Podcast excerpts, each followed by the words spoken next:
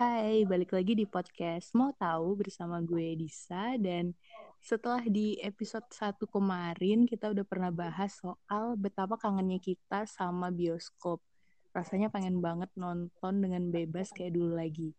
Tapi dengan situasi seperti sekarang, kita jadi dituntut untuk bisa beradaptasi dan menyesuaikan kegiatan kita nih. Jadi ya kita nggak bisa ketemu secara langsung, paling cuma bisa video call atau misalnya ngumpul-ngumpul lewat podcast eh atau ngumpul-ngumpul lewat podcast kayak gini. Jadi hari ini kita bakal ngomongin seputar cara-cara kita menghadapi pandemi ini. Masih bersama dua teman gue, Dinar dan Tia. Hai. Halo, semoga kalian nggak malek ya. Malek itu apa, Kak? Lagi. Kalau itu apa kak? Bosan. Maaf ya. Jadi dapat kosakata baru ya untuk yang mendengarkan. Oke, jadi dimulai dari pertanyaan yang paling biasa banget ditanyain yaitu apa yang paling dikangenin di saat pandemi ini? Selain mungkin kemarin kan kita udah bahas soal kangen nonton bioskop. Ada lagi nggak kegiatan lain yang kalian pengen banget lakuin tapi nggak bisa karena situasi sekarang ini? Dari Tia apa? Itu dikangen itu ke tentang kegiatan kan bukan tentang doi kan? Apa pun. Oke. Okay.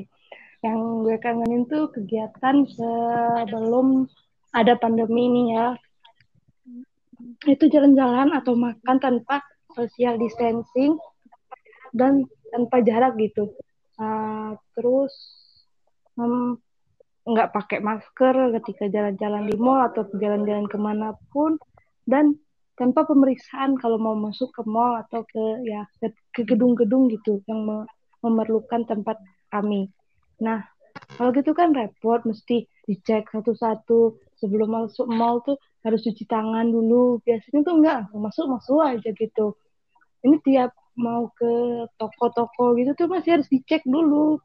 Itu cukup merepotkan. Nah, terus kalau pergi dan kalau mau pergi keluar kota tuh itu enggak nggak dicurigain orang tuh rusuh. Ada terkadang tuh ya orang-orang tuh ngitungin gue pergi ke, ke daerah gitu ke tempat nenek gue lah hmm, rumah nenek gue dulu. Nah itu tuh selalu diliatin orang di kan karena daerah walaupun daerah rumah gue nggak daerah hmm. zona merah tapi orang kenal daerah rumah gue tuh di sekelilingnya dengan zona merah. Jadi ya orang tuh curiga dengan gue dan keluarga gue kalau main ke rumah nenek hmm. tuh padahal tuh enggak kami tuh sehat walafiat alhamdulillah ya itu sih paling dikangen itu jalan-jalan tanpa dicurigain orang dan makan tanpa hmm. jarak dan social distancing nggak pakai masker oke okay. jadi kalau kalau dari Tia tuh intinya adalah bisa beraktivitas dengan bebas tanpa banyak aturan-aturan gitu ya yang dikangenin. Kalau dari Dinar apa yang dikangenin? Hmm, kalau gue itu jalan-jalan sih kayak nge-mall terus uh, nongkrong di rumah temen gitu. Karena sejak pandemi ini ada orang tua gue tuh cukup oh, protektif dan nggak ngebolehin untuk keluar rumah. Jadi bener-bener kayak udah empat bulan itu bener-bener nggak pernah keluar rumah nggak pernah nge-mall ataupun nongkrong di rumah teman. Padahal sebelum pandemi itu bisa seminggu sekali itu pasti ada waktu di mana uh, eh, gue jalan sama teman gitu atau ketemu. Bahkan mungkin lebih sering ketemu sama teman dibandingkan ada di rumah gitu tanpa tanpa main gitu sama main jadi ketika pandemi dan harus di rumah aja tuh jadinya apa ya jadi kangen nongkrong jadi kangen nge-mall terus juga kangen kalau nge-mall tuh main game main ngepam gitu kalau misalnya nggak tahu pam tuh apa Tom tuh uh, salah satu alat untuk main olahraga uh, dance gitu yang ada di kayak game cornernya kalau ada di mall gitu. Jadi paling itu sih karena udah lama banget nggak main itu. Gitu. Paling itu sih. Hmm, jadi kalau Dinar itu kangennya tuh kangen nge-mall terus bisa main permainan-permainan yang ada di mall gitu ya. Ketemu sama teman. Nah, kalau gue mungkin hampir sama aja sih intinya jalan, tapi mungkin jalan-jalannya tuh lebih ke kayak eh, jalan-jalan keluar kota, traveling gitu yang bener-bener liburan lah ibaratnya. Karena kalau situasi kayak sekarang kan agak takut-takut ya kalau mau pergi ke uh, tempat yang jauh-jauh gitu. Terus juga kayak katanya Tia tadi, jadi banyak aturannya. Pastikan kalau mau masuk ke satu tempat wisata pasti ada banyak protokolnya gitu, harus pakai masker dan lain-lain. Agak kurang nyaman gitu kan. Nah, kalau ngomongin seputar jalan-jalan nih, pasti kalian juga kangen dan pengen banget gitu buat jalan-jalan lagi. Kita inget-inget aja masa-masa di mana kita masih bisa jalan-jalan dulu. Ada nggak kejadian-kejadian aneh atau random yang pernah terjadi ketika kalian lagi jalan-jalan? Dari siapa dulu nih? Dinar mungkin mau cerita? Tia dulu kayaknya udah lebih siap deh. Dia pasti sebentar hmm. lagi akan melempar. Aduh, aduh. Benar sekali. Bisa silakan. Oke, oke. Ya udah dari gue dulu. Jadi kalau kejadian jalan-jalan, uh, yang ini dulu aja deh yang belum pernah gue ceritain juga sama uh, teman-teman gue khususnya gitu. Waktu itu uh, eh, SMP jadi gue tuh ada kegiatan gitu acara lomba atau apa gitu pokoknya. Jadi pergilah ke suatu kota. Kita nggak usah sebut lah ya namanya. Terus kan nginep di suatu penginapan gitu kan di hotel. Nah adalah satu hari di mana waktu itu tuh uh, kita tuh emang kegiatannya tuh selalu dari pagi sampai malam gitu. Jadi dalam satu minggu waktu itu acaranya satu minggu ada satu hari di mana uh, gue sama teman sekamar gue tuh bener-bener bangunnya tuh agak kesiangan gitu. Jadi nggak ada yang bangun pagi. Sekamar tuh kita tiga orang, tapi karena ada satu teman kita tuh yang emang nginep di kamar lain, jadi cuman berdua doang. Nah, waktu itu gue kebangun mungkin sekitar jam setengah enam atau jam berapa gitu, pokoknya udah hampir siang terus langsung buru-buru mau sholat subuh gitu kan mau siap-siap. Pas mau buka pintu kamar mandi itu tuh kok susah gitu nah. Nggak bisa dibuka kan gue coba lagi gitu kan masih tetap nggak bisa juga apa mungkin kekunci atau gimana? Gue mikirnya gitu kan. Terus gue coba lagi sampai agak keras gitu gue dorongnya dan akhirnya bisa kebuka tapi kayak ada yang ngeganjel di pintu kamar mandinya. Pas udah berhasil kebuka dikit gue lihat ternyata kamar mandinya ambruk. Jadi kayak apa sih atapnya gitu. Bagian atap atasnya tuh ambruk. Nah gue tuh baru inget-inget lagi emang kemarin kan malamnya ketika gue mandi itu tuh emang atapnya tuh kayak udah apa ya kayak ada merembes air gitu kayak mau bocor tapi belum sampai bocor gitu kan. Terus oh ternyata karena bocor, ini bocor. mungkin penyebabnya gitu. Jadi pas mau mandi nggak bisa terus gue panik dong karena udah siang juga. Akhirnya gue bangunin lah temen gue ini. Buat kayak gimana gitu kan harus ngapain apa ngelapor aja gitu ke resepsionisnya. Terus pas mau nelpon resepsionisnya tuh juga kayak nggak diangkat atau apa gitu pokoknya. Untungnya kan udah nih akhirnya gue ngambil wudhunya tuh pakai air dari wastafel. Terus udah gue sholat dulu selesai sholat tuh tiba-tiba dateng lah ada yang ngetok ke kamar gitu. Ternyata itu tuh adalah kakak pembimbing dari temen gue.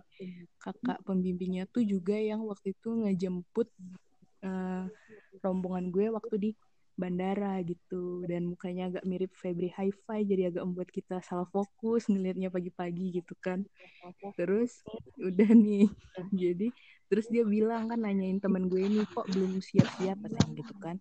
Terus kita ceritain lah. Terus akhirnya dia yang ngebantuin kayak ya udah udah pindah ke kamar lain aja numpang mandi dan lain-lain. Ini nanti biar dilaporin sama uh, orang hotelnya udah deh akhirnya kami terselamatkan dan bisa mandi di pagi hari itu. Itu agak random sih soalnya seumur umur gue belum pernah nemu kamar mandi atapnya bisa ambruk apalagi di hotel gitu kan. Itu kalau cerita dari gue. Bagaimana Dinar Yes bisa memulai cerita? Dari siapa dulu nih? Coba dari Tia dulu deh. Bentar.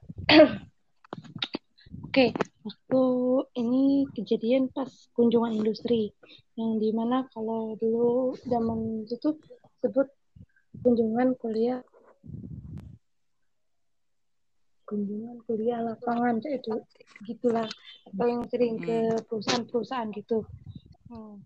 Jadi waktu itu ke daerah Bromo tuh daerah Gunung Bromo nah kata temen gue tuh kan di Gunung Bromo tuh banyak mitos-mitosnya ya salah satunya tuh kalau orang menstruasi itu nggak boleh ke apa namanya ke pura yang di dekat Gunung Bromo tuh. Nah, temen hmm. gue ini salah dengar. Katanya kalau mau ke Gunung Bromo tuh nggak bo orang mens orang hmm. menstru orang head nggak boleh ketawa jauh, ya, ya sepanjang jalan. Nah, kebetulan gue kebetulan gue waktu kunjungan industri itu gue tuh lagi menstruasi head menstruasi hmm. ya atau menstruasi lah ya. Nah, jadi yes dan ada beberapa teman gue juga yang menstruasi jadi kami kami ber, bertiga atau berempat gitu ya diem jadi kami tuh hmm, kicep diem aja gara-gara dia gara-gara omongan mitos dia yang dibuat-buatnya tuh. Terus akhirnya ketahuan salah tuh gara-gara dia ngomong eh aku tuh salah dengar tadi. Kalau yang itu tuh bukan bukan apa namanya? Bukan nggak boleh ketawa tapi nggak boleh ke pura jadi maaf ya katanya ya orang udah sampai nahan-nahan ketawa mak dia malah ngelawak sambil tanpa dosanya ya kesal hamba oke okay. terus oh ya terus waktu kunjungan industri juga tuh nah hmm di di hotel tuh ini di kejadian ini di hotel juga. Nah, jadi di hotel tuh kan dibagi orang tiga tuh. Nah, tiap kamar tiap kamar tuh disering-seringin cewek, cowok, cewek, cowok. Nah, kebetulan samping kamar kami tuh cowok gitu ya. Nah, mereka ini suka jahil cowok nih. Kedengeran. Dengeran nggak suara gue? Nah, cowok-cowok ini pada jahil. Jadi katanya mereka tuh niruin suara kuntilanak eh nggak taunya tuh memang beneran ada coy suara itu tuh malam-malam gangguin mereka sampai mereka tuh berlari ke kamar sebelahnya lagi ke kamar temennya lagi untuk numpang tidur di situ. Gara-gara mereka takut gara ada suara hmm. kuntilanak itu. Serem sih. Serem. Itu tuh samping kamar gue bener. Mereka tuh. Tapi kami nggak dengar suara apa-apa. Hmm terus terus ada lagi nah terus ada lagi nih tapi uh, tapi peristiwa di tempat magang sih bukan di pas jalan-jalan. Boleh nggak sih ceritain? Oh kalau peristiwa di tempat magang tuh waktu mau datang ke tempat hmm, gimana ya tempat magang gue tuh agak jauh dari kota. Ya bukan agak jauh dari kota ya. Gimana ya bilangnya? Oh, oke. Okay. hmm. tempat gue magang tuh adalah di daerah pertambangan itu. Nah kayak menuju tempat daerah pertambangan tuh gue mesti naik bis lagi ke situ nah jadi gue sama teman-teman gue tuh terlambat untuk naik bisnya. Jadi kami tuh numpang bis bis bis perusahaan lain yang ada di dalam tambang juga. Nah terus katanya mau ke mana kalian tuh dek? Mau ke ini pak ke daerah ke perawatan kami bilang gitu. Oh nanti stop di sini ya. Eh tapi kami disalah disetopin oleh bapak bis itu memang benar itu tuh kantornya tapi itu tuh bukan kantor pusatnya gitu. Jadi pas kami sampai situ katanya oh bukan itu tuh. Nah itu maju lagi jalan ke situ kata bapak oke jadi kat nah udah di stopin tuh di bis ya dari bis itu. Nah tapi oleh ternyata kami tuh salah stop oleh bis itu. Seharusnya tuh maju lagi dari tempat tem di kami stopin. Jadi kami tuh sedikit nyasar tapi masih satu satu apa sih satu satuan kerja dengan itu. Tapi beda divisi aja gitu. Nah kata bapak-bapak yang di tempat kerja di divisi ini katanya maju lagi mbak katanya. Maju lagi mbak katanya.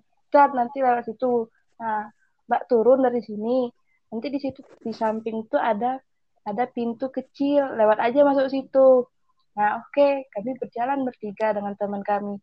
Sudah turun kan, tapi kami lewat belakang, bukan lewat depan yang di samping itu. Kami malah nyasar ke tempat yang banyak sapi-sapi.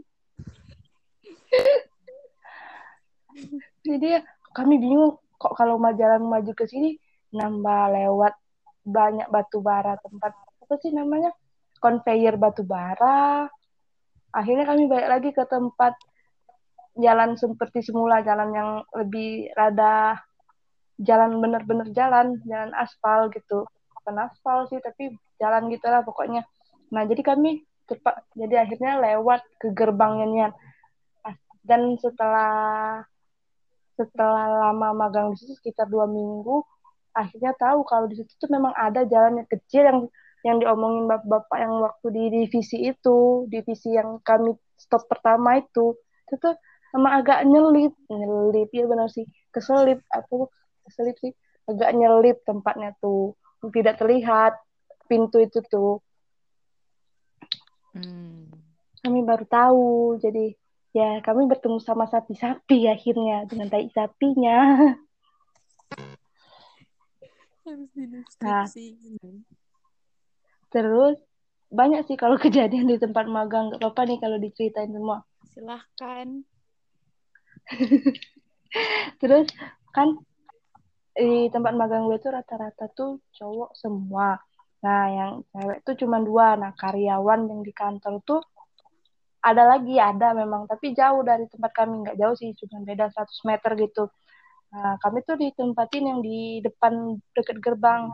Nah di situ tuh eh, apa WC itu campur.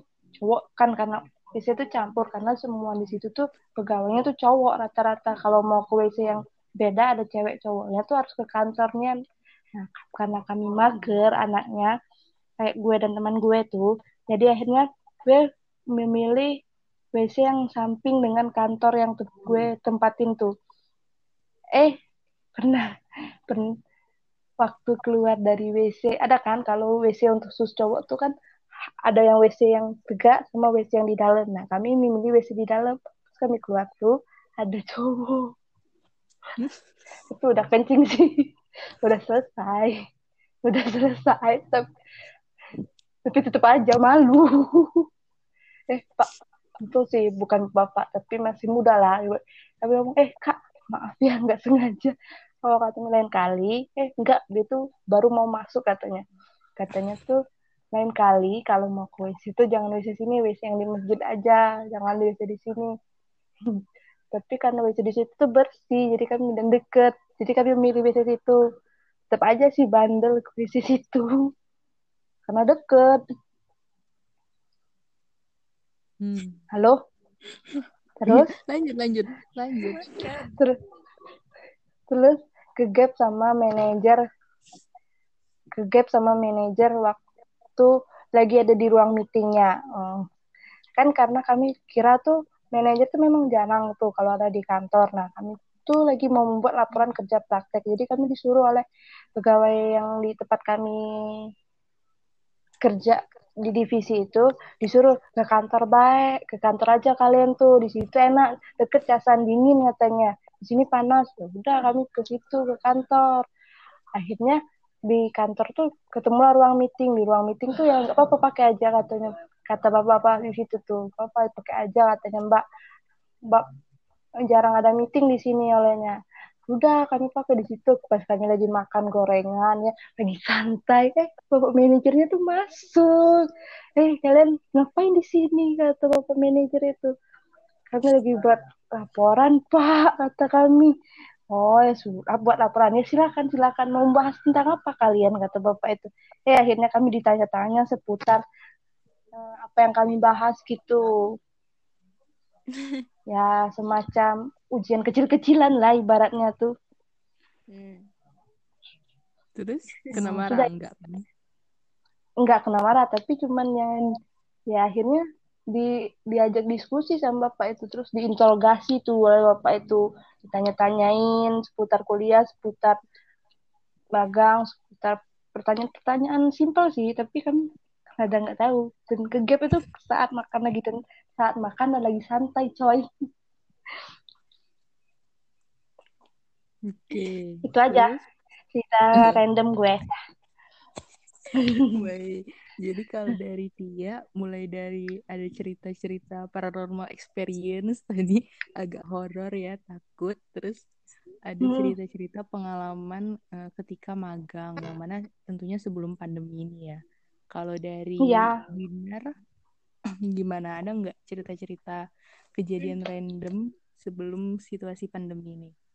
kejadian-kejadian yang sebelum situasi pandemi. Hmm, jadi kan eh jurusan gue tuh ada di jurusan yang memang eh, tiap tahun tuh kita pasti adain field trip. Jadi pasti jalan-jalan, entah itu keluar kota atau juga bisa yang ke kota-kota yang agak-agak deket aja gitu. Nah, em, suatu saat tuh jurusan gue itu ngadain field trip ke salah satu kota di Pulau Jawa pokoknya. Udah, nah emang setiap tahun, setiap kita field trip, itu kita pasti nginep di hotel yang sama namanya. Jadi kayak cabangnya gitu. Jadi misalnya kita eh, ke Lampung, hotel itu cabang Lampung tuh apa? Misalnya kita ke Amazon. Ah? Hotel Amazon gitu, Amazon satu, Amazon Lampung, Amazon ya Amazon Jawa. Ya, pokoknya kayak gitu. Nah, terus em, karena gue sama teman-teman gue itu punya pengalaman buruk dengan nama hotel itu di field trip yang sebelumnya, jadi kita udah nggak eh, berekspektasi tinggi ini sebenarnya sama ini hotel. Nah, cuman kebetulan pas kita eh, dapetin kamar di hotel itu, itu bener-bener kayak aneh banget gitu. Sama kayak Tia, emang eh sama kayak Tia, sama kayak Disa, itu WC-nya juga yang jadi masalah gitu. Karena itu benar-benar unik banget bentuknya. Jadi kalau misalnya bisa dibayangin itu bentuk kan toiletnya itu benar-benar nggak umum. Itu benar-benar kayak seperempat lingkaran terus pintu pi- eh, di dia tuh bukannya dinding tapi kaca buram gitu. Jadi kalau misalnya lo buka baju lo em, apa ya lo ngapa-ngapain aja tuh kelihatan. Jadi kayak ada siluetnya gitu. Dan itu bikin gak nyaman. Terlebih lagi itu pintu nggak ada kunci. Jadi orang tuh bebas untuk buka tutup buka tutup bener-bener nggak safety kan. Nah terus eh, satu saat kan gue sama teman-teman gue yang satu kamar bingung. Eh, gimana cara nutup pintu? Karena walaupun kita temenan sesama perempuan cuman kan masih lah ya kalau misalnya mandi tuh ngerasa kayak nggak enak gitu kalau diliatin gitu kan. Terus takut kebuka-buka lah pintunya. Udah dong nanya lah sama teman-teman yang di kamar sebelah. Kata teman kamar sebelah dirapetin aja atau enggak panggil eh, mas-mas yang di bawah untuk ngebenerin biar lebih rapet katanya. Udah dong dipanggil. Ternyata setelah dirapetin malahnya hancur gitu pintunya. Bener-bener nggak bisa ditutup. Jadi eh, kalaupun kita nutup dia mental lagi.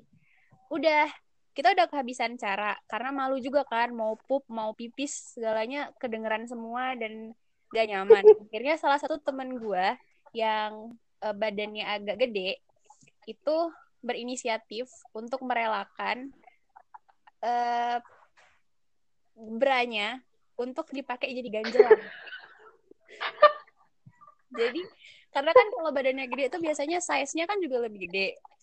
Jadi dia bilang ya udah deh daripada kita berapa hari di sini hidup nggak tenang karena nggak bisa pup dan lain-lain ya udah pakai aja ini. Jadi dia menggu- menggunakan itu branya untuk kita seluruh umat di dalam kamar itu ngeganjel pintu gitu. Dan setiap tamu yang datang ke kamar kita kalau misalnya mau numpang pipis atau lagi main terus kalau pakai WC ya pakai si bra itu. Jadi itu tuh kayak udah jimat jimat sampai kami pulang pun itu masih dipakai gitu. Terus ada juga pas kita masih di hotel yang sama ada teman gua yang mungkin emang beberapa ada yang jarang nginep di hotel. Terus karena hotel yang tempat kami nginep itu cuma nyediain makanan buat breakfast tapi kalau malam kita nyari makanan sendiri. Sebagai anak kuliahan kita ya mau ngehemat uang lah ya.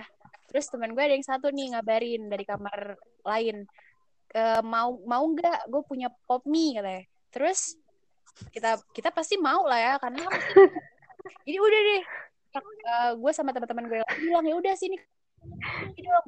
Udah dia datang ke kamar terus teman gue yang satunya udah nyicip udah kayak terus gue sebelum gue mau minta gue nanya gitu. Bukannya di bukannya nggak ada kompor ya? Minta di mana air panasnya? Terus kata temen gue oh tadi pakai air keran. Kan ada air panas jadi dia tuh bikin keran terus beberapa orang itu udah udah makan dan ngira itu adalah air yang diminta resepsionis. Gitu. Udah, itu aja. Salah. banget. Kayaknya masih banyak. Teman-teman gue tuh agak-agak aneh kalau nginep di hotel. Cuman kayaknya jadinya cerita soal temen. Lanjut ya. Gak apa-apa, gak apa-apa. lagi. Serius? Nggak apa-apa kalau mau diceritain hmm, ya udah satu aja satu lagi. Masih di hotel yang sama. Gue random random. kayak punya banyak banget permasalahan dan keluguan dari teman-teman gue jadi kan satu kamar itu berempat. Terus eh, waktu biasa kan kalau antar kamar tuh saling mengunjungi gitu. Terus ada kalanya di mana teman gue yang satu kamar lagi make nih kamar mandi terus ada teman gue dari kamar lain dateng. Terus ngeliatlah teman gue yang satu kamar ini udah selesai pakai kamar mandi terus dia bilang oh kok cepet banget ya katanya. Emang kenapa? kata kami. Ini di kamar aku di kamar kita mas ya di kamar dia maksudnya kamar mandinya itu Hmm. mampet. Jadi kalau pup atau pipis nggak mau turun jadi cara mereka satu-satunya adalah nyemprotin pistol apa sih kayak semprotan air itu sambil Hmm. jongkok Pispol. iya pis eh, Eh, pispol. itu apa semprotan semprotan air itu yang untuk nyiram Ah, itu ditunggu jadi mereka tuh bergantian jongkok di depan kloset untuk itu nyemprotin air dari pistol itu supaya si kotoran dan segala macam itu masuk terus mereka bilang katanya tuh iya lama banget tapi mau ngelapor resepsionis malu katanya. Terus abis itu gue bilang emang eh, untuk ngeflashnya nggak nyala ya? Atau rusak ya? Terus dia bilang flash itu apa? Terus gue bilang itu tombol di atas kloset di mana kalau misalnya ditekan airnya ikut ini bersih semua. Oh nggak tahu. Jadi empat Hmm. orang dalam kamar itu benar-benar nggak tahu kalau ada yang namanya flash. Jadi mereka bergantian untuk membuat kamar mandi bersih dengan cara nyemprotin itu air bergantian sejam sejam dah tuh.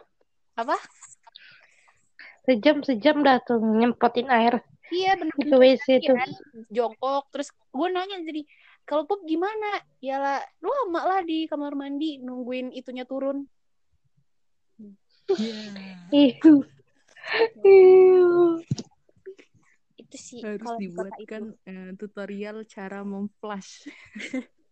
Kotoran. Astaga oke. Jadi udah nih ada lagi nih? Udah jadilah. Jadi tuh kalau kejadian-kejadian random dari Dinar tuh dari eh, teman-temannya ya. Banyak hal-hal yang agak random juga ternyata kelakuannya. Oke. Jadi selama eh, kegiatan di rumah aja nih juga kita tuh pasti eh, salah satu kegiatan favoritnya adalah nonton. Nonton apa pun itu ya, mulai dari eh, series mungkin atau misalnya drakor yang jadi banyak favorit orang-orang, terus film. Nah, selain nonton tuh mungkin bentuk hiburan lainnya bisa juga dengan nonton YouTube yang udah sering juga kita lakuin. Tapi mungkin ada aja kan YouTube-YouTube baru yang belum pernah kalian tonton sebelumnya nonton di pandemi ini atau mungkin dengerin uh, podcast dan lain sebagainya.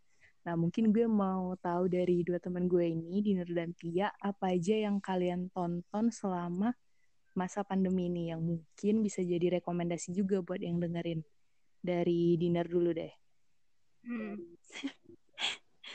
Oke, kalau gue selama masa pandemi ini, gue menemukan salah satu youtuber baru, yaitu Fadil Jaidi sama Yupipan.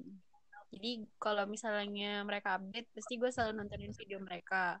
Jadi kalau misalnya nggak tahu, kalau Fadil Jaidi itu adalah salah satu uh, penyanyi kayaknya. Penyanyi terus juga videonya YouTuber. natural jadi bener-bener cuma diedit pakai HP dan udah di post gitu terus kalau Yuvi Pan itu adalah salah satu youtuber misteri jadi dia kayak bahas misteri terus kayak spill the tea kasus-kasus dari youtuber youtuber luar gitu. Jadinya emang gue lebih suka ngikutin. Dan gue juga nggak tahu kenapa belakangan ini suka ngelihat dokumentasi dokumentasi atau video-video jadul. Jadi kayak video-video yang diambil Hmm. tahun 1978, 1960 gitu. Wawancara sama orang-orang zaman dulu tuh kayak yang masih layar hitam putih tuh gue suka banget nonton itu. Gak tahu kenapa. Gitu. Terus Hmm. kalau misalnya drakor banyak juga drakor yang udah gue tonton.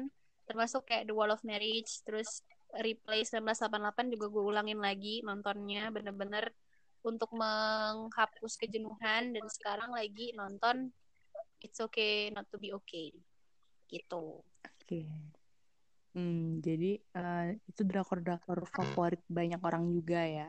Jadi kalau Dinar tuh salah satu kegiatan nontonnya tuh nonton YouTube. Nah, kalau Tia gimana apa nih tontonan yang ditonton selama pandemi ini? Oh, kalau drakor tuh mungkin sama ya dengan Dina. Eh, enggak sih, enggak ada sama. Enggak sama sih, tapi cuma sama The War of the hmm. Merit itu. Karena itu tuh salah satu drakor yang lagi booming banget di saat awal-awal pandemi kemarin karena kan mungkin bosan orang tuh jadi ya begitu muncul drakor itu langsung wah gitu Sky Castle walau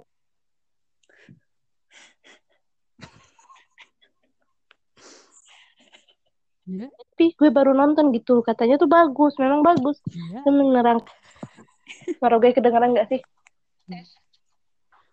bentar-bentar sampai Tes. yang uh, banyak Halo? muncul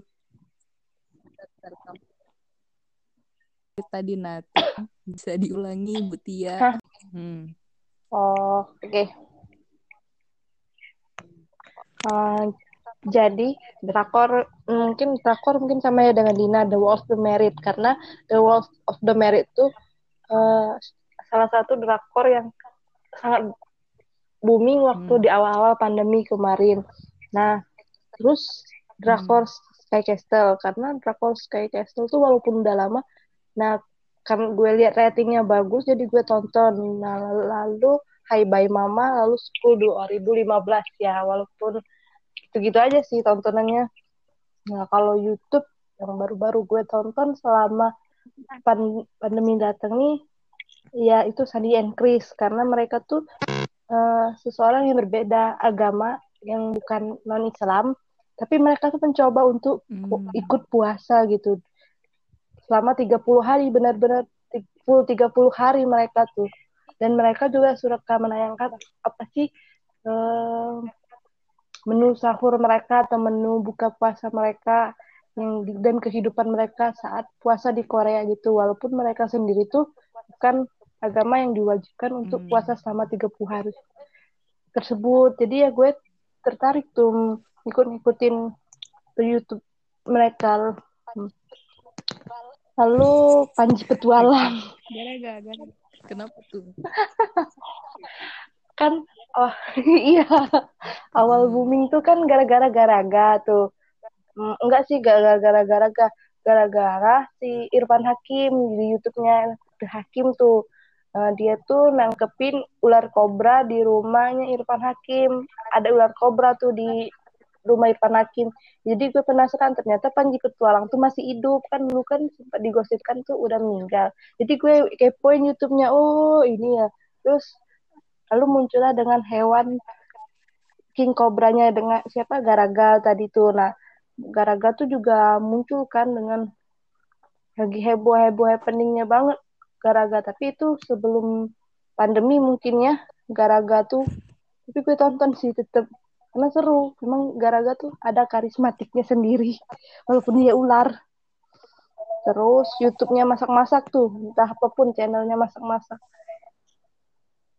uh, dari Cooking with Tashi gue tonton tuh karena Cooking with Tashi tuh uh, dia tuh suka men, apa menayangkan resep tanpa oven dan tanpa mixer. Itu gue suka tuh. Hmm. Kalau podcast ya tetap intik sendu sih. Nah lalu podcast yang baru-baru ini itu mau tahu perspektif hati dan dengerin aja dulu ya. itu adalah podcast teman-teman gue ya. Silahkan didengarkan.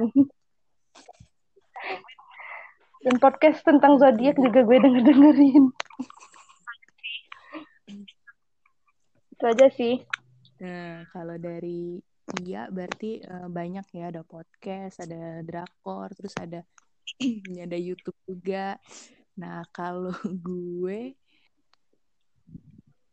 ya Oke, okay, kalau gue mungkin uh, sama aja sih random gitu. Kalau drakor gue juga nontonnya paling yang umum kayak World of Merit terus itu kemarin yang awal-awal booming juga kan uh, Crash Landing on You. Itu juga gue nonton. Kalau yang mungkin gak banyak orang nonton itu tuh drakor. Gue suka nontonin yang thriller-thrillernya. Pokoknya tuh kayak Tell Me What You Saw terus itu uh, Voice itu juga itu rekomendasi dari kita bertiga untuk uh, perserisan film podcast dan lain sebagainya nah sekarang gue mau nanya ini selain nonton, ada lagi nggak sih aktivitas baru yang kalian lakuin atau mencoba hal-hal baru di masa pandemi ini? Kayak sekarang kan lagi banyak tuh tren-tren misalnya nanam tanaman, ngoleksi-ngoleksi bunga-bunga, dan hal lainnya gitu. Nah, kalau kalian sendiri gimana? Ada nggak aktivitas yang baru kalian lakuin ketika pandemi ini? Dari Tia dulu.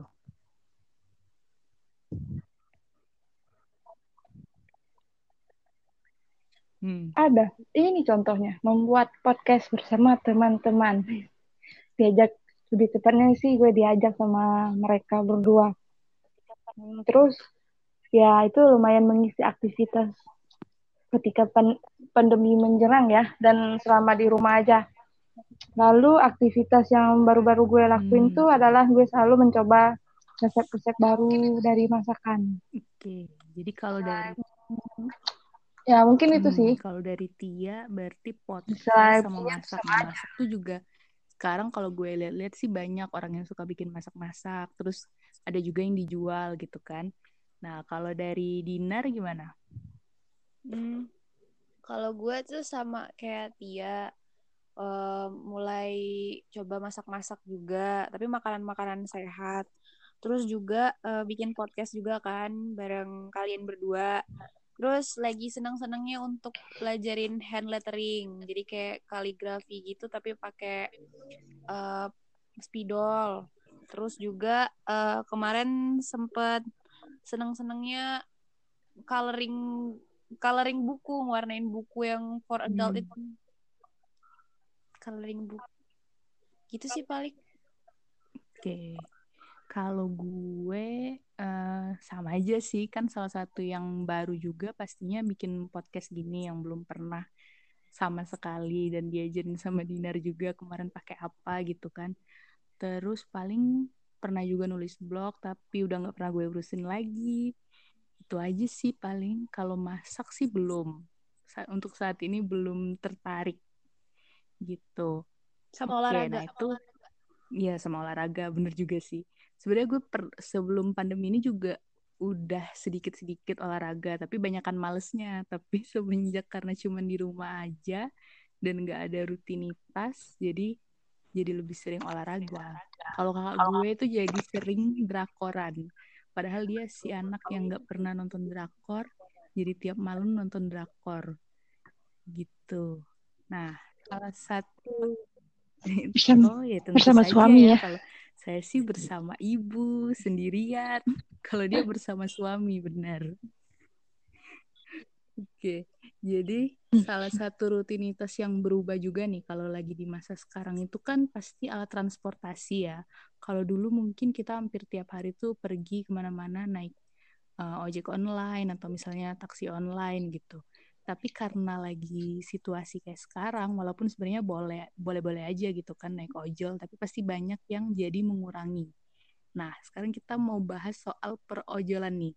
Dari kalian ada nggak nih kenangan-kenangan bersama abang-abang ojol ketika kalian masih sering pakai layanan ojek online mungkin dari expert perojolan dulu ya silakan ibu Dina bagaimana ceritanya boleh ya. diceritakan semuanya Ay.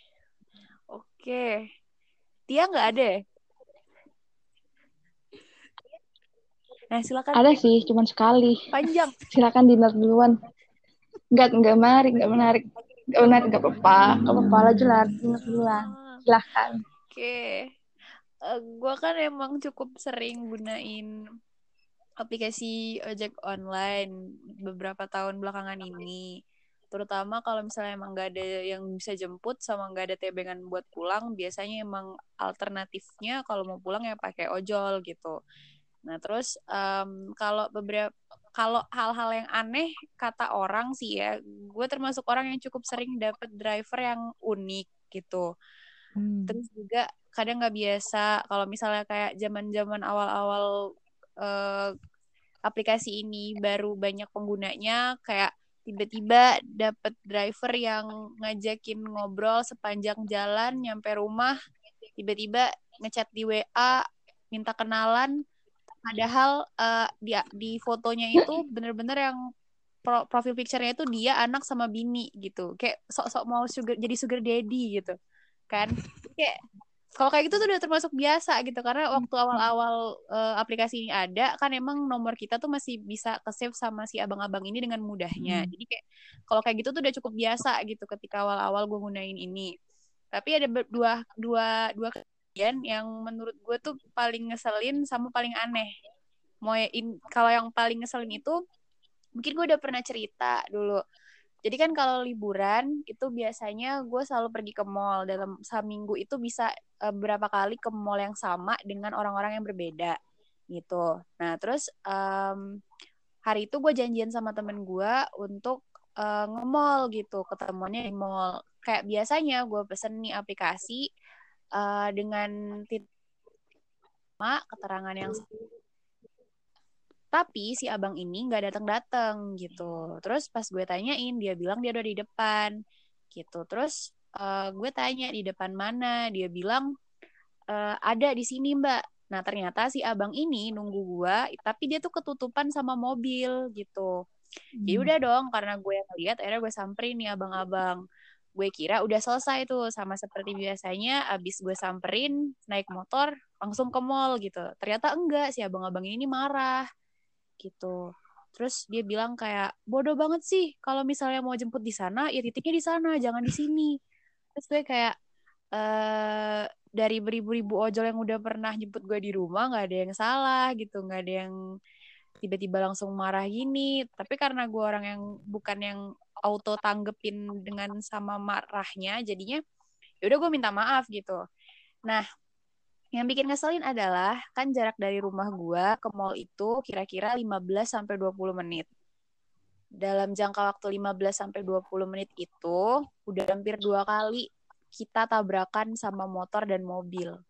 Gitu. Dan si abang-abang ini bener-bener yang setiap mau hampir tabrakan tuh dia tuh bener-bener yang kayak berhenti di tengah jalan sambil uh, maki-maki itu motor atau mobil yang hampir tabrakan sama dia. Padahal bukan hmm. salah motor atau mobil itu, tapi salah si abang-abang ini yang bener-bener super duper ngebut, ngerem, ngebut, ngerem gitu.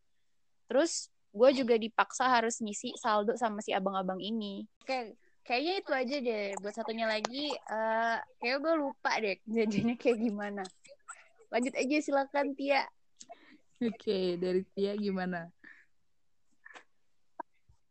Nah, jadi oke okay, ya jadi gue tuh sebenarnya bukan pengguna ojol sejati, tapi pernah menggunakan jasa ojol, cuman satu kali kalau nggak salah ya. Hmm.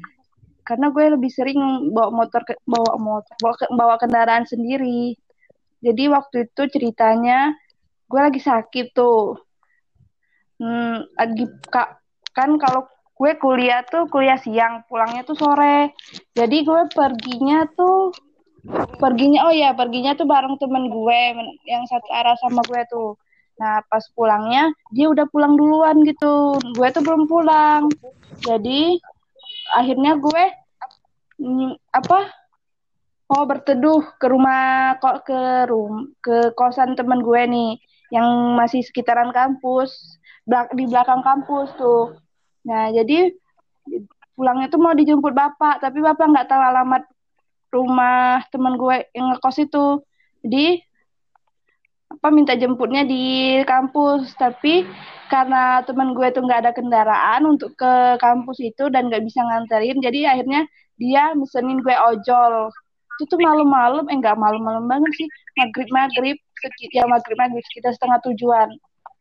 Hujan-hujan tuh sama abang ojol dari dari kosan dia sampai ke ke depan kampus tuh lumayan sih naik ojol. Serem juga karena malam waktu itu gue naik. Tapi untungnya deket. Itu aja pengalaman gue naik ojol. Sangat flat kan? Karena gue bukan pecinta ojol bukan an ojol. Hmm, oke. Okay. jadi kalau dari uh, Dinar tadi pengalaman dan cerita khusus. Kalau dari Tia tuh lebih ke kayak pengalaman pernah naik ojol gitu. First time experience first time. Iya. Yeah. Hmm, kalau iya. Kalau gue mungkin oh, ini tuh sebenarnya bukan pengalaman yang apa ya misalnya bukan kayak dinar tadi gitu kan pengalaman yang unik atau aneh. Tapi ini tuh lebih ke mungkin kayak cerita ojol curhat ojol. Jadi waktu itu pas gue lupa deh ya, tahun kapan tapi yang pasti waktu itu gue lagi jalan-jalan gitu bertiga sama kakak gue juga nah kita tuh naik uh, bukan ojol sih tapi naik taksi online nah terus uh, bapak-bapak taksi online ini kan emang ramah-ramah gitu ya di Bandung nih. Jadi itulah semacam uh, pengalaman-pengalaman dia gitu waktu jadi driver taksi online. Tapi yang menariknya tuh adalah bukan cerita tentang uh, pengalaman dia jadi driver itu, tapi dia punya kayak paranormal experience gitu ternyata yang dia ceritain ke kita. Jadi awalnya tuh kita mikir tuh ceritanya tuh cerita serius kan. Dia bilang dulu tuh dia pernah uh, ke mana ya? Gue lupa deh pokoknya tujuannya ke mana. Intinya dari Bandung mau ke daerah mana gitu naik kereta. Nah terus dia naik keretanya tuh malam-malam kok gemak terus dia naik keretanya tuh kayak tengah malam gitu kan. Terus nggak kalau nggak salah kan karena zaman dulu tuh nggak terlalu dicek gitu kan kita tuh bawa tiket apa enggak kayaknya dia tuh masuknya tuh nggak pakai tiket gitu. Semacam penumpang gelap gitu lah pokoknya karena buru-buru mau ke rumah saudaranya atau apa gitu gue lupa. Udah kan nih terus naik. Dia ngeliat ke sekitar kok kayak beda nih kereta gitu kan. Kayak ada sesuatu yang aneh. Tapi dia belum ngeh gitu ada ada apanya kan. Udah dia, dia diem aja. Terus kok lama-lama penumpang penumpangnya tuh pada diem-diem banget. Terus kok mukanya tuh agak pucet katanya gitu kan. Terus udah nih udah mulai-mulai agak gak enak kan perasaannya. Terus pas sudah lama keretanya tuh kata dia uh, pas dia ngelihat ke sekelilingnya tuh baru dia berubah gitu muka yang penumpang-penumpang lainnya tuh Terus keretanya tiba-tiba berubah jadi kereta kayu katanya. Terus dia udah nggak tahu kan mau ngapain karena cuma sendirian di dalam situ. Dia mau keluar juga nggak berani. Jadi udah dia diem doang. Ditungguinnya terus ternyata sampai beneran sampai ke stasiun yang dia tuju. Terus dia turun, diliatin lah sama kayak penjaga atau satpam di stasiun itu. Terus penjaganya tuh nanya, e, bapak dari mana gitu kan? Terus disebutinnya lah terus ditanya lagi bapak naik apa? Terus kayak ketakutan gitu yang penjaganya tuh ngelihat dia kan. Bapak emangnya naik apa? Itu tadi naik kereta kata dia kan. Nggak ada keretanya terus udah. Tapi dia udah kayak lemes dan nggak tahu ngapain. Dan ya udah untung sampai gitu. Dan setelah yang ada cerita kan ada nggak sih cerita yang baru-baru ini yang bus? Terus ternyata nggak ada penumpangnya itu kan yang dinaikin malam-malam terus gue mikir oh berarti beneran ada ya cerita kayak gitu. Gue pikir waktu itu waktu dengar ceritanya dia itu cuman sekedar apa sih kayak um, bercanda-bercandaan atau bohong-bohongan dong gitu. Ternyata itu benar terjadi. Gitu. Jadi itu kalau pengalaman aneh ketika naik uh, kendaraan online itu uh, cerita gue atau pengalaman unik gue bersama uh, layanan transportasi online. Terus kita lanjut mungkin ke yang agak faedah dikit pertanyaannya menuju pertanyaan terakhir yaitu soal uh, berita yang lumayan viral juga. Kemarin kan sempat ada wacana bahwa bioskop mau dibuka lagi gitu tapi ternyata memang uh, belum memungkinkan dan akhirnya dibatalin gitu kan. Nah kalau dari kalian berdua gimana pendapatnya? Kalian termasuk yang setuju atau kurang setuju atau gimana terhadap uh, wacana buat bioskop segera dibuka lagi. Dari Tia dulu. Iya, gue sih karena gue adalah bukan penikmat penonton bioskop sejati, ya mungkin beberapa orang yang suka nonton bioskop mungkin akan meng, apa sih akan menyambut dengan gembira berita ini dan gue setuju, aja sih kalau mereka mematuhi protokol kesehatan yang berlaku ya. Mulai dari memakai masker, social distancing. Karena ya ada beberapa proyek film juga kasihan mereka para para apa sih namanya sutradara film juga tuh pasti uh, ter jadwal mereka untuk menayangkan film mereka tuh semuanya mundur gitu. Padahal yang harusnya tayang di bulan ini di tanggal ini di tanggal sekian.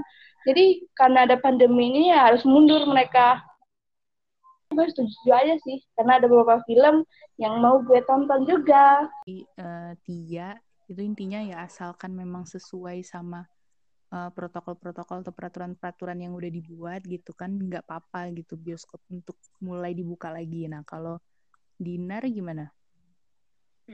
sama sih sama Tia gitu. Sebagai orang yang emang cukup suka dan sering nonton bioskop, uh, gue sih nggak masalah kalau misalnya bioskop mau dibuka, tapi memang harus memperhatikan banget yang namanya uh, yang tadi gitu protokol kesehatan. Karena kan emang kalau misalnya dibuka, walaupun uh, apa ya udah ada protokolnya kalau misalnya enggak diperhatikan dengan ketat kan itu jumlah orang yang nonton kan pasti nggak mungkin cuma satu dua orang kan dibuka pasti kan hmm. banyak dan cenderung juga uh, kemungkinan besar untuk kumpulan orang yang banyak dan penyebaran yang gede juga kan pastinya juga lebih memungkinkan jadi kalau memang mau dibuka ya harus bisa untuk um, menjamin kalau protokol kesehatannya itu dijalankan dengan baik. Toh juga kita nggak mungkin kita nggak tahu kan uh, virus ini kapan selesainya dan kita juga nggak mungkin terus-terusan gini-gini terus kan. Gimana nasib orang-orang yang bekerja di bidang itu? Oke, jadi uh, itu dari Tia dan Dinar seputar uh, wacana bioskop. Jadi uh, intinya sih ya balik lagi ke gimana peraturan yang diterapin ya. Kalau misalnya memang bisa menerapkan uh, protokol kesehatannya dengan ketat ya nggak apa-apa bioskop dibuka gitu kan.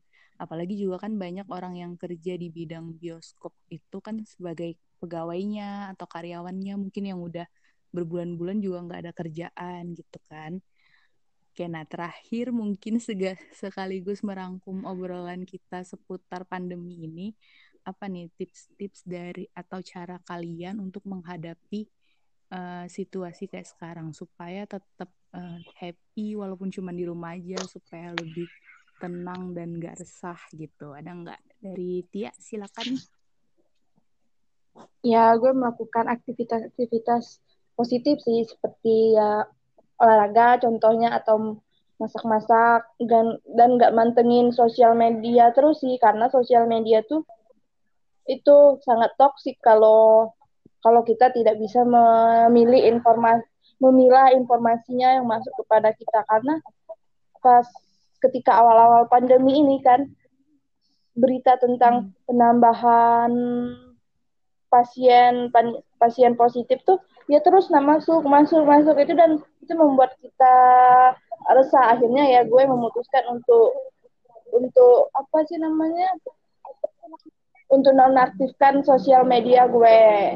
Jadi ya jangan terlalu sering untuk membuka sosial media dan melakukan aktivitas positif seperti olahraga uh, atau masak-masak atau melakukan hobi-hobi kalian tuh bersepeda atau gimana pun lah. Sekian. Oke.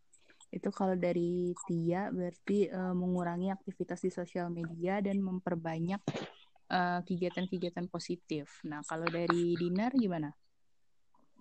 Kalau gue paling biar bosan coba hal baru gitu. Lakuin aja apa yang kalian pengenin sebisa yang kalian bisa gitu. Kalau misalnya kalian tiba-tiba pengen baca buku, ya baca gitu-gitu. Terus sama uh, tetap berkomunikasi sama teman-teman sih menurut gue karena uh, dengan kayak gitu kita jadi bisa lebih waras aja sih. Karena di rumah aja kan pasti kita uh, kayak lebih fokus pada diri sendiri. Terus kayak nggak ada mm -hmm. orang untuk bisa diajak ngomong kan. Dengan kita terus jalin komunikasi sama teman-teman kita kan bisa saling tukar keresahan tukar pikiran. Jadinya kayak lebih bisa berbagi emosi. Terus jadinya lebih apa ya lebih sehat aja buat diri kita sendiri. Termasuk terga uh, buat bagian emosional kita. Ya bosan juga sih kalau kalau di rumah terus tuh. Jadi ya butuh hiburan. Dengan ya benar kata Din tadi. Hmm.